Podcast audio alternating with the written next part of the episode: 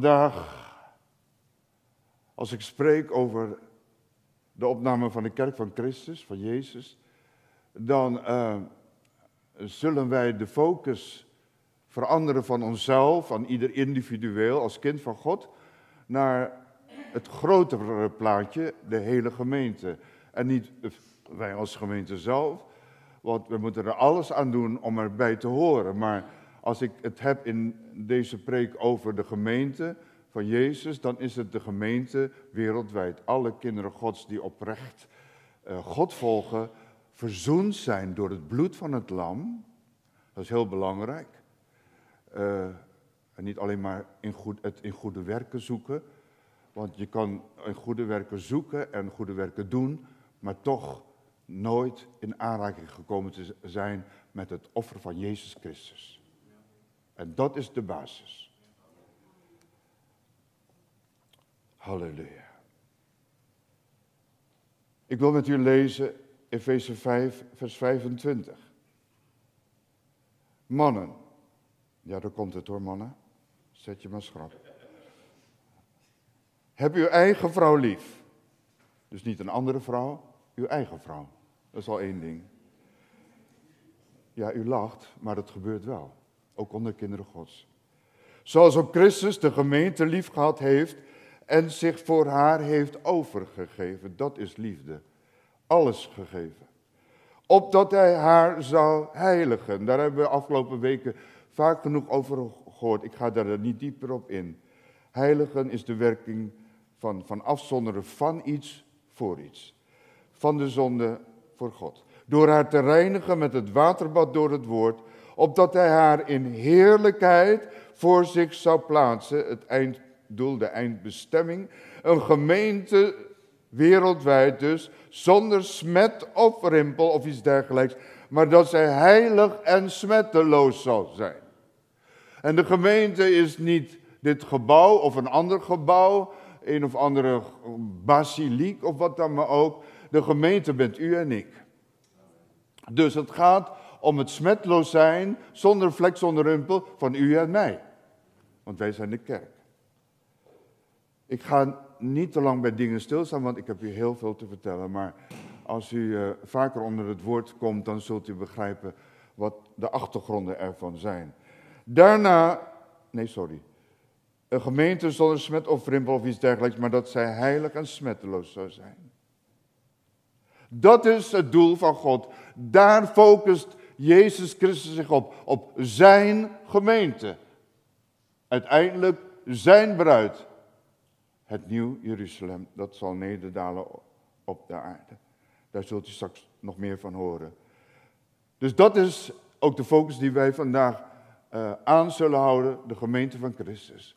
Wat gaat er met de gemeente van Christus in de komende tijd gebeuren? 1 Thessalonicenzen 4 vers 16 en 18. Want de Heere zelf zal met een geroep, met de stem van een aartsengel en met een bazuin van God neerdalen uit, de hemel. En de doden die in Christus zijn, zullen eerst opstaan. Zij die dus in Christus gestorven zijn, zullen eerst opstaan. Daarna zullen wij, de levenden die overgebleven zijn, samen met hen opgenomen worden in de wolken, naar een ontmoeting met de Heer in de lucht. En zo zullen wij altijd bij de Heer zijn. Zo troost elkaar met deze woorden. Zo bemoedig elkaar met deze woorden. En dat doe ik uh, vandaag ook. Bemoedigen. Niet uh, het spannend maken, maar bemoedigen. En zeggen, broeder, ga door. Want Jezus komt. Hier is sprake van Jezus terugkomst. Maar niet voor de hele wereld, maar specifiek voor zijn bruid, zijn kerk. Niet voor de ongelovigen dus, dat moment. Een ontmoeting in de lucht. Dat is de opname. De opname gaat om Jezus die komt, die doet geen voet, zet geen voet op de aarde, want het zal zijn een ontmoeting in de lucht. Staat er geschreven. Dus om dat uit te beelden, Jezus komt. U kunt dat de wederkomst van Jezus noemen, zo lang voorspeld. Jezus komt en zijn bruid, de gemeente met een hoofdletter, de gemeente wereldwijd, de kinderen Gods die gereinigd zijn en geheiligd zijn, die gaan opwaarts in de lucht, om hem in de lucht te ontmoeten. Is de opname bijbels? Dat, was dus, dat is dus de opname. Is de opname bijbels? Men zegt ook vaak nergens in de Bijbel wordt het woord opname gebruikt. De Bijbel is geschreven in het Hebreeuws, Oude Testament, in het Grieks, Nieuwe Testament. En daar waar Jezus sprak in het Nieuwe Testament, wordt dat, is dat geschreven in het Aramees. Dat is de taal die Jezus sprak. Het woord rapture in het Engels of opname in het Nederlands wordt niet genoemd in de Bijbel. Maar is vertaald uit de oorspronkelijke taal, oorspronkelijke taal waarin de Bijbel is geschreven. Daar waar sprake is van opgenomen, weggenomen, plotseling ergens uitgenomen worden, dat is de rapture, het beeld van de opname. Zoals we dit nu net gelezen hebben. Ik herhaal het nog. Opdat hij haar in heerlijkheid. Nee, sorry. Daarna zullen wij leven niet overleven zijn, samen met hem opgenomen worden. Ja, kunt u daar iets anders van maken? Dat is dus de opname in de wolken naar een ontmoeting met de Heer in de lucht. Halleluja. Hoe vindt de opname plaats van de gelovigen? Uh, ik heb daar een hele diepe duik in genomen en ik heb goed moeten spitten in Gods woord. Opdat ik, ik wil niet onwaarheid en leugens u gaan verkondigen en alles mooier maken dan Gods woord ons beschrijft. De waarheid. En dat is een, mag ik zeggen, wel een hele klus geweest. Maar het is zo mooi, even mijn ervaring daarbij in mijn voorbereiding, om dan te zien, je hebt ooit eens hiervan gehoord, je hebt ooit eens daarvan gehoord, je hebt ooit eens daarvan gehoord. Ik ben in de kerk als het ware geboren. Maar nooit, en ik denk dat velen bij ons in de gemeente ook, nooit precies begrijpen en kunnen uitleggen wat er voor de opname is. En, en al die dingen, de grote verdrukking is en de volgorde daarin. Maar ik heb daarin mogen, een duik mogen nemen en het is zo mooi om dan te zien dat al die puzzelstukjes in elkaar passen. En samen één mooi geheel vormen. En wat is dat mooie geheel? Onze toekomst in Jezus Christus. Halleluja. Halleluja. Hier, hoe vindt de opname plaats van de gelovigen die reeds zijn overleden en van de gelovigen die ten tijde van de opname nog in leven zijn. Dus twee groepen zij die al overleden zijn in Christus, begraven of hoe dan maar ook. Dat die gelovigen, die al overleden zijn, en zij, misschien wij, die dan nog leven als Jezus op de wolken verschijnt. 1 Korinthe 15, vers 44. En dat is ook Heel belangrijk om te weten en dat tot je door te laten dringen. Een natuurlijk lichaam wordt gezaaid, zegt de Bijbel. Een natuurlijk lichaam is dat lichaam van u en van mij, sterfelijk, onderhevig aan de dood, om het even als mensen, uh, om als mensen daarover te spreken. Een natuurlijk lichaam wordt gezaaid. Een geestelijk lichaam, dus een onsterfelijk uh, lichaam wordt opgewekt. Er is een natuurlijk lichaam en er is een geestelijk lichaam. Om daarmee te beginnen, dat is goed om het onderscheid goed te kunnen zien.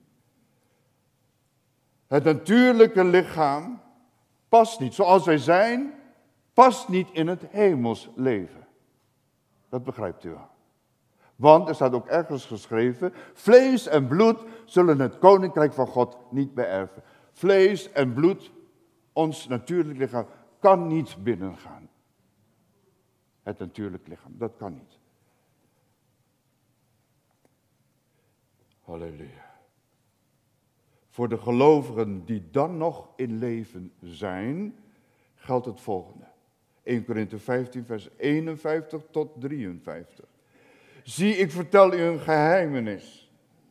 Wij zullen wel niet allen ontslapen,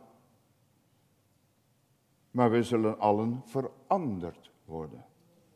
In een ondeelbaar ogenblik, nog niet eens in dit moment. Een ondeelbaar, het kleinste moment dat niet deelbaar is. Dus in een twinkling of an eye, zegt de Engelsman. Of de Amerikaan.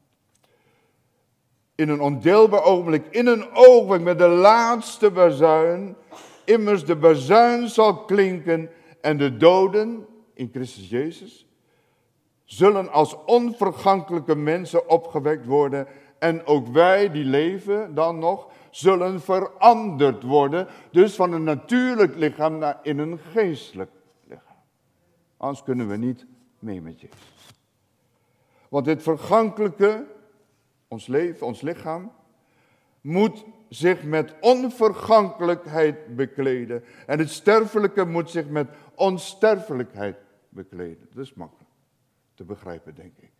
Ons lichaam is onderhevig aan ouderdom, vergankelijkheid dus.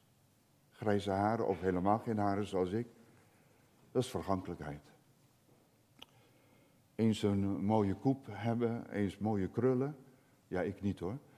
Maar vergankelijkheid, kaal. Maar geliefd door God, zoals we gezongen hebben, dat is het belangrijkste. Ja. Halleluja. Als Jezus terugkomt voor zijn kerk, zijn bruid, zullen de natuurlijke, sterfelijke lichaam van de gelovigen die in Christus zijn en die dan nog leven, inclusief de dan bekeerde Joden, laat ons het Joodse volk niet begrijpen, het is nog steeds en het blijft nog steeds Gods volk die meedoet in dat plan van God. Nog hier op aarde in een punt veranderd worden in een geestelijk onsterfelijk lichaam. Dat past in het hemels geestelijk leven.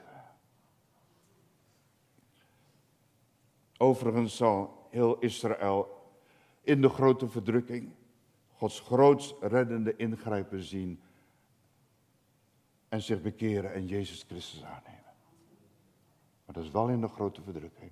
Dat is dus niet gelijktijdig met die mensen die in Christus gestorven zijn en die mensen die in Christus nog leven, zoals we net hebben gehoord. Op de dag van de opname zal in vervulling gaan, Lucas 17, vers 34 tot 36. Heel bekend bij de meesten, denk ik. Ik zeg u, in die nacht zullen er twee op één bed zijn. De een zal aangenomen worden en de ander zal achterblijven. Twee zullen liggen op een bed, één zal worden aangenomen en de ander zal achterblijven. Wat een consternatie zal het zijn. Twee vrouwen zullen samen malen, werken. De een zal aangenomen worden en de ander zal achtergelaten worden. Twee zullen op de akker zijn, de een zal aangenomen en de ander zal achtergelaten. Dat moment van de opname wordt ook wel genoemd de, het, de, de tijd, de dag van de grote vermissing. Mensen zullen op aarde, ik wil daar niet al te diep op ingaan, uh, zullen op een gegeven moment, op een bepaald moment, op een dag gemist worden. Ik heb ooit een film gezien, Left Behind, jaren geleden. En om dan een voorbeeld te noemen, dan zie je een bus. Zomaar een voorbeeld hoor, maar zo kan het gebeuren. Een bus met een buschauffeur. Die buschauffeur, terwijl hij rijdt, wordt opgenomen. En die bus, noem maar wat, rijdt tegen een boom. En zo zullen er allerlei dingen gebeuren. De vermissing. U komt thuis, denkt uw vrouw aan te treffen die aan het koken is. Misschien wel het eten aangebrand, maar uw vrouw is er niet meer. De vermissing. Dat is de uitkomst van deze tekst, Lucas 17, vers 34 tot 36. Halleluja. De gelovigen zullen in één moment verdwijnen, spoorloos voor ongelovigen. Want van de opname zullen zij niet zien, de ongelovigen. Halleluja. Dat is het moment dat de gemeente van Christus wereldwijd zal worden opgenomen. Op hetzelfde moment moet je zich dat voorstellen. aan de andere kant van de wereld is het dan misschien nacht en hier is het dag. Daar is het eh, zomer en hier is het winter, maakt niet uit. Maar de vermissing. Wereldwijd op hetzelfde moment.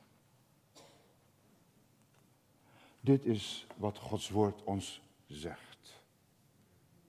De profetie van Gods woord. En zijn woord is ja en amen. En wat hij zegt, zal hij doen.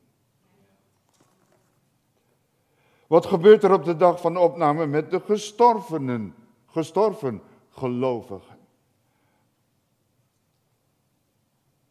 De mens bestaat uit lichaam, ziel en geest. Van hen die in Christus sterven, gaat het onzichtbare deel, dus ziel en geest, gaan naar de hemel. Het lichaam blijft achter, wordt ten graven gedragen. De scheiding van lichaam, ziel en geest. En dan zal hij denken, oh, maar ik dacht dat ze een hemel feest vieren en al die dingen meer. Lieve mensen, we kunnen het niet voorstellen. Is een geestelijke wereld. Lichaam, ziel van iedere gelovige is daar. Maar er staat ook in de Bijbel gezegd, en daar hou ik maar vast. Zij zingen een nieuw lied. Zij juichen voor de Heer. Zij aanbidden de Heer.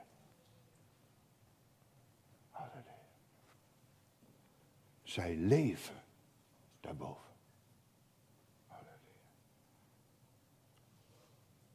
In de hemel leven de ziel en de geest van een in Christus gestorvene. Daar een hemels geestelijk leven. Waarin ze elkaar als levende wezens kunnen zien. Ze leven daar als volkomen schepsels die zingen, juichen en aanbidden voor God en het lam op de troon, zegt de Bijbel ook. Als Jezus terugkomt voor zijn bruid, op de dag van de opname, zullen de ziel en de geest van de gestorvenen, daarboven zijn, de ziel en de geest, zullen terugkomen van de hemel en naar de plaats gaan waar het lichaam wat erbij hoort achtergelaten is. In het graf, zelfs als we de Bijbel goed lezen, diep onder water in de zee, als ze verdronken zijn bijvoorbeeld, dat kan natuurlijk ook gebeuren, maar van al die plaatsen, de ziel en de geest van die persoon komt dan terug. En dan worden de gestorvenen, gelovigen, worden opgewekt. In een geestelijk lichaam natuurlijk.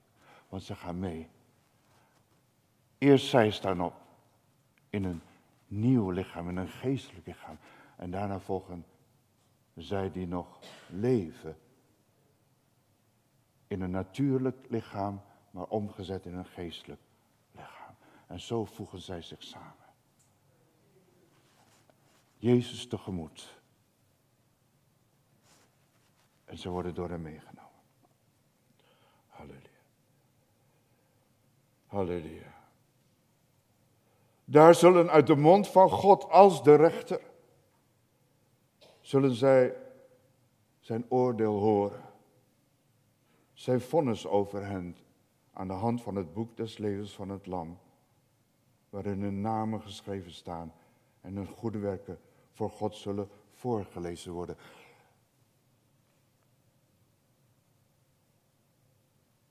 Ik geloof dat zij die opgenomen worden in de wolken, de gelovigen, die zullen natuurlijk al hun, de goedkeuring hebben gekregen van God de rechter. Maar anders gaan ze niet mee.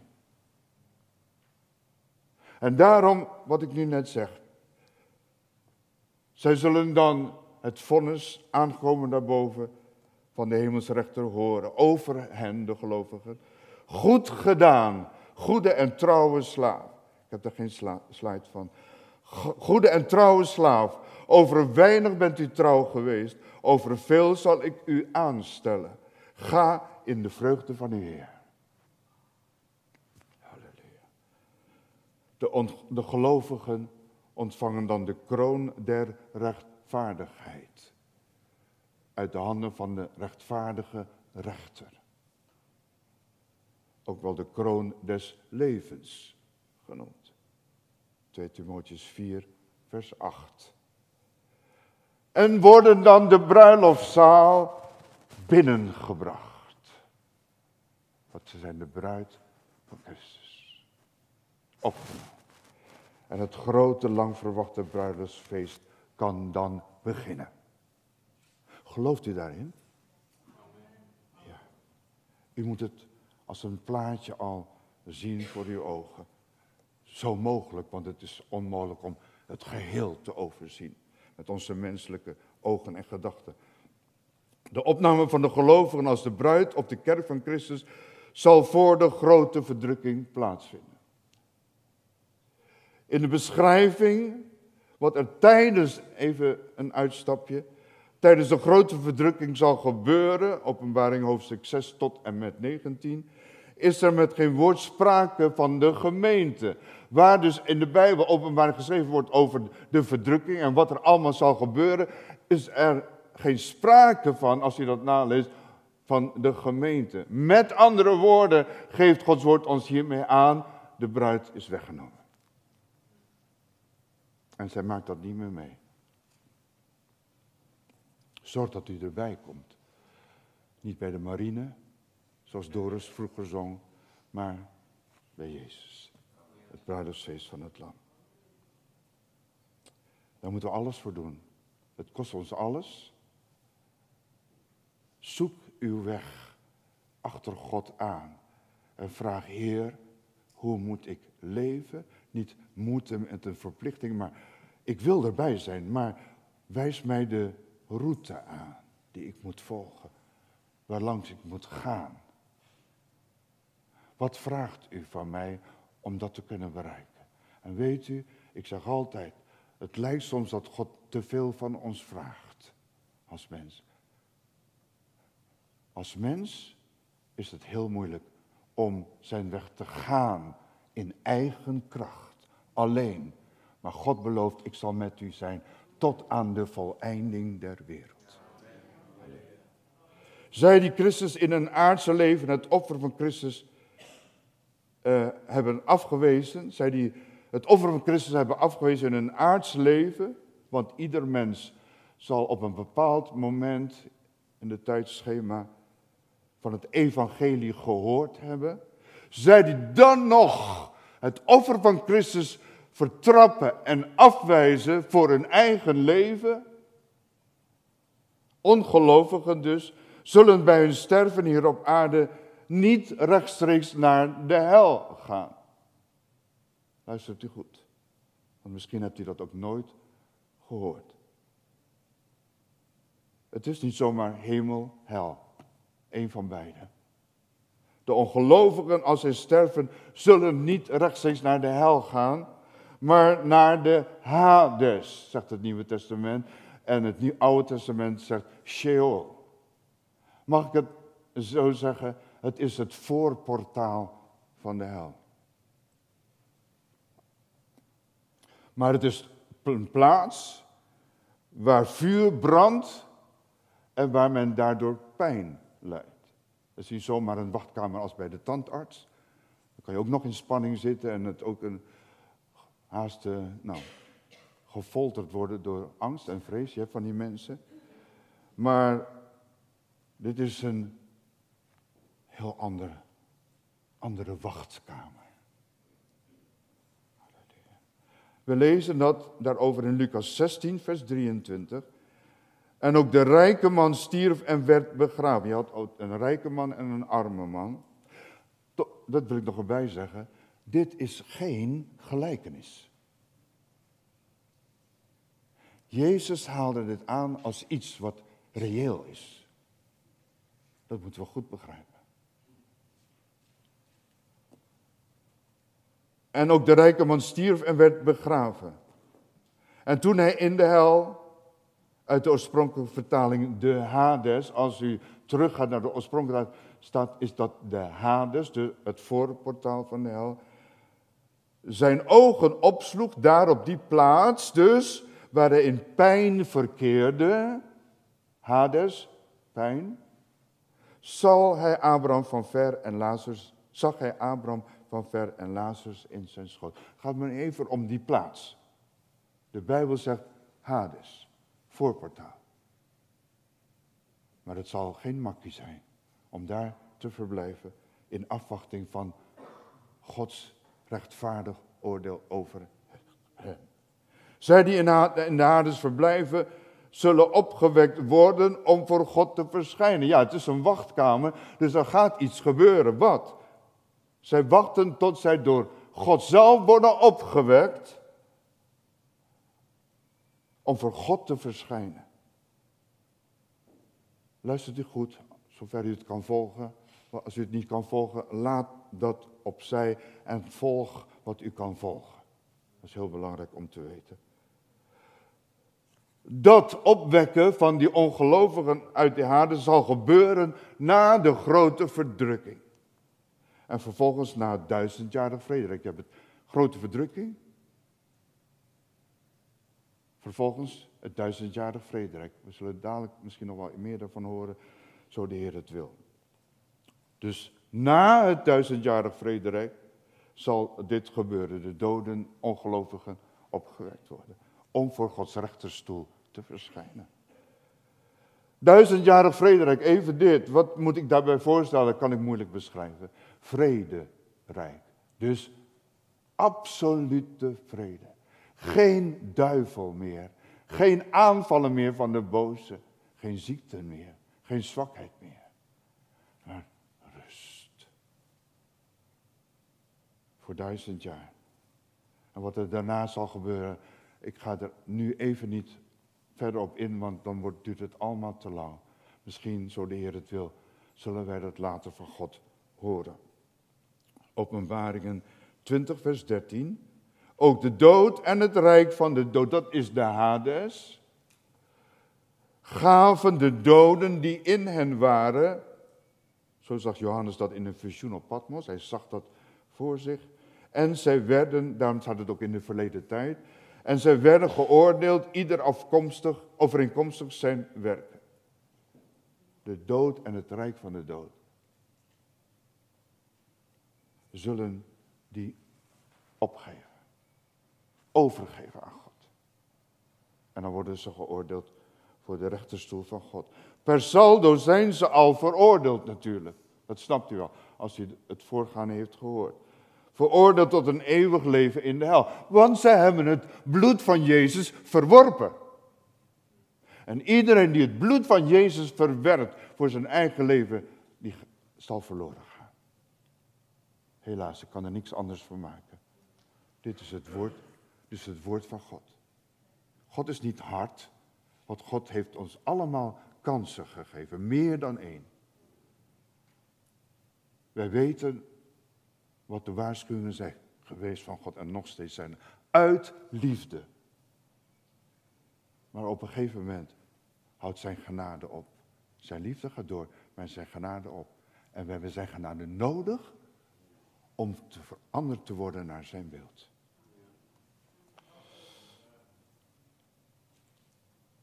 Dus hun vonnis weten ze al, als zij opgewekt worden uit eh, de, de plaats waar zij achtergelaten zijn voor de rechterstoel van God gaan verschijnen. Dan weten zij het, hun vonnis al. Dan zeg je, dan je zeggen, ja maar waarom moeten ze dan nog komen? Laat God hun dan maar gelijk naar de hel sturen. Want dat is hun plaats, hun bestemming. Maar zo rechtvaardig vind ik, zo redelijk is God, dat als zo'n ongelovige die het bloed van Jezus verworpen heeft voor zijn eigen leven, voor God verschijnt, de boeken gaan open. Het boek van zijn leven, van zijn levensloop, gaat, wordt geopend door God zelf en er wordt voorgelezen. Die dag is dit gebeurd, is niet onder het bloed. Je hebt de gelegenheid gehad, je bent in de kerk trouw geweest, maar je bent alleen maar hoorder geweest en geen dader. En zo wordt het boek voor boek doorgenomen. Maar God is zo goed, Hij wil bekendmaken aan hen, de ongelovigen, één voor één, de reden waarom hun bestemming elders is dan in de hemel. Hij noemt het. Daarom, daarom.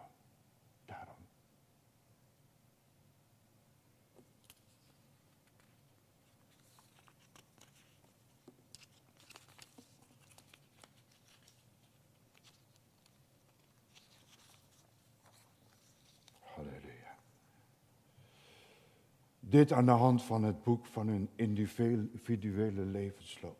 Van dag tot dag. En alles wat niet verzond is door het bloed van Jezus, heb ik al gezegd.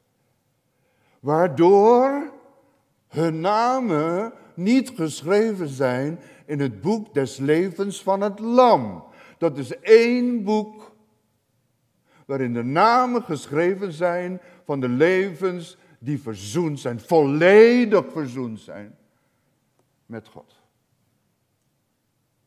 En die genadetijd, daarin leven wij. Wat doet u daarmee?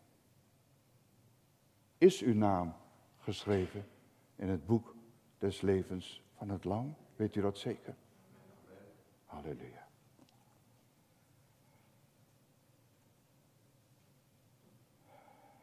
En als iemand niet bleek ingeschreven te zijn in het boek des levens, werd hij in de poel van vuur geworpen. Dit is Gods woord. Openbaringen 20, vers 15. Daar waar dan ook de duivel in geworpen zal worden, samen met het beest. De antichrist en de valse profeet, de valse geestelijke leider. Daar waar dag en nacht pijniging zal zijn, daar waar ook de dood en de hades uiteindelijk ingeworpen zullen worden. Want die wachtkamer is dan leeg. En heeft geen bestemming meer. De tweede dood is dat. De tweede absolute dood. Met andere woorden, eeuwige scheiding tussen God en diegene die in de poel des vuurs geworpen wordt. Er is geen mogelijkheid om terug te keren. Zoals we lezen ook in het verhaal over de rijke man en de arme Lazarus. Geen mogelijkheid meer. Dat is daarom tweede dood. De eeuwige scheiding van God. Lieve mensen, realiseer dat. Word wakker. Nu kan u komen tot God. Nu in uw hart kan u zeggen, Heer, wees mij genade. Doe dat dan ook. Ga ermee aan het werk. Wees geen hoorder, maar een dader van het woord van God. Doe er iets mee. Word wakker, gemeente van Christus. Word wakker, want Jezus komt spoedig.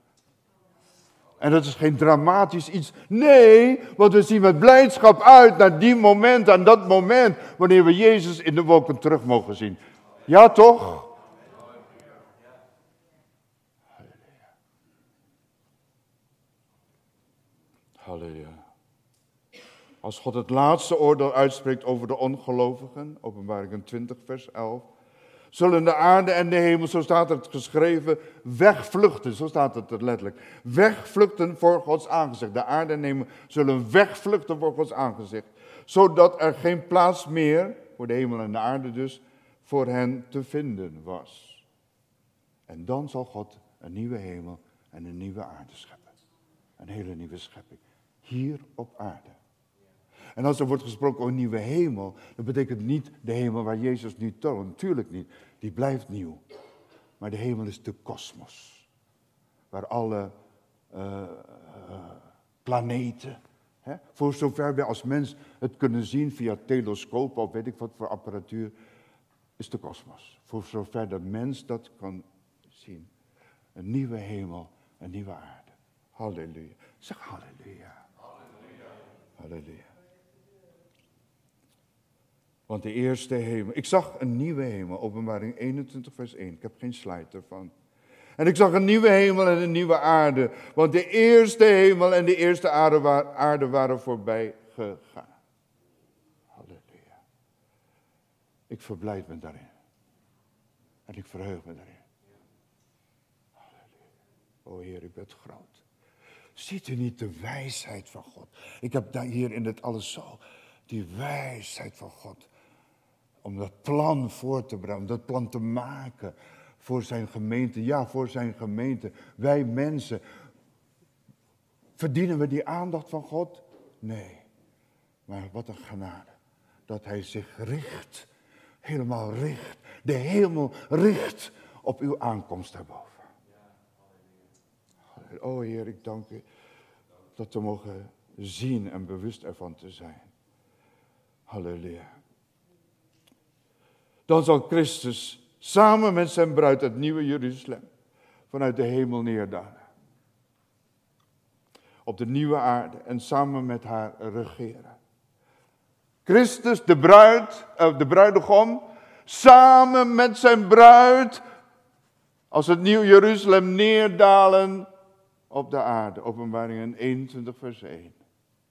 Het zal hier blijven. Ze zullen hier blijven. Halleluja. En daar zullen zij regeren. De bruid en de bruidegom. Wat daarna gebeurt, dat gaan we misschien een andere keer uitgebreid over hebben, zo de Heer het toelaat. En ons er bij de tijd er nog voor hebben, ja. Openbaringen 21, vers 3. En ik hoorde een luide stem uit de hemel zeggen. Zie, de tent van God is bij de mensen, wijzend op de tabernakel van Israël als een voorbeschouwing, een vooruitzien van uit de tijd van Israël naar het einddoel. En God is bij de mensen en hij zal bij hen wonen en ze zullen zijn volk zijn. En God zelf zal bij hen zijn en hun God zijn.